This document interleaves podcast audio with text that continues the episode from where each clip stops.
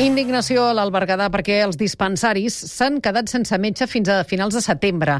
El servei es concentra a Guardiola amb la proporció d'un metge i mig per nou pobles uns municipis que tripliquen el nombre d'habitants, evidentment, durant l'estiu.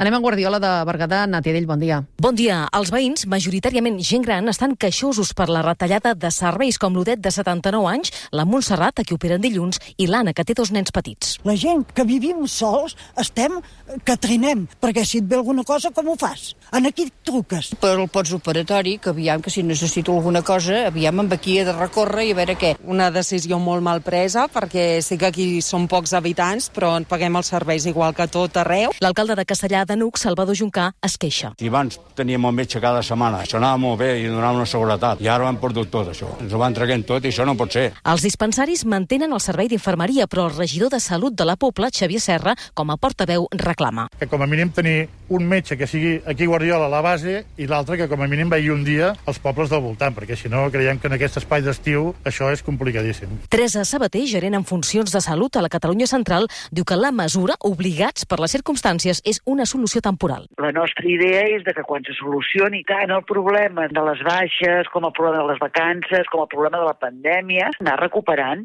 el, el dimensionament normal que teníem últimament. Més enllà de l'arribada de turistes, aquests dies a l'Albergadà hi ha 4.000 infants fent campaments.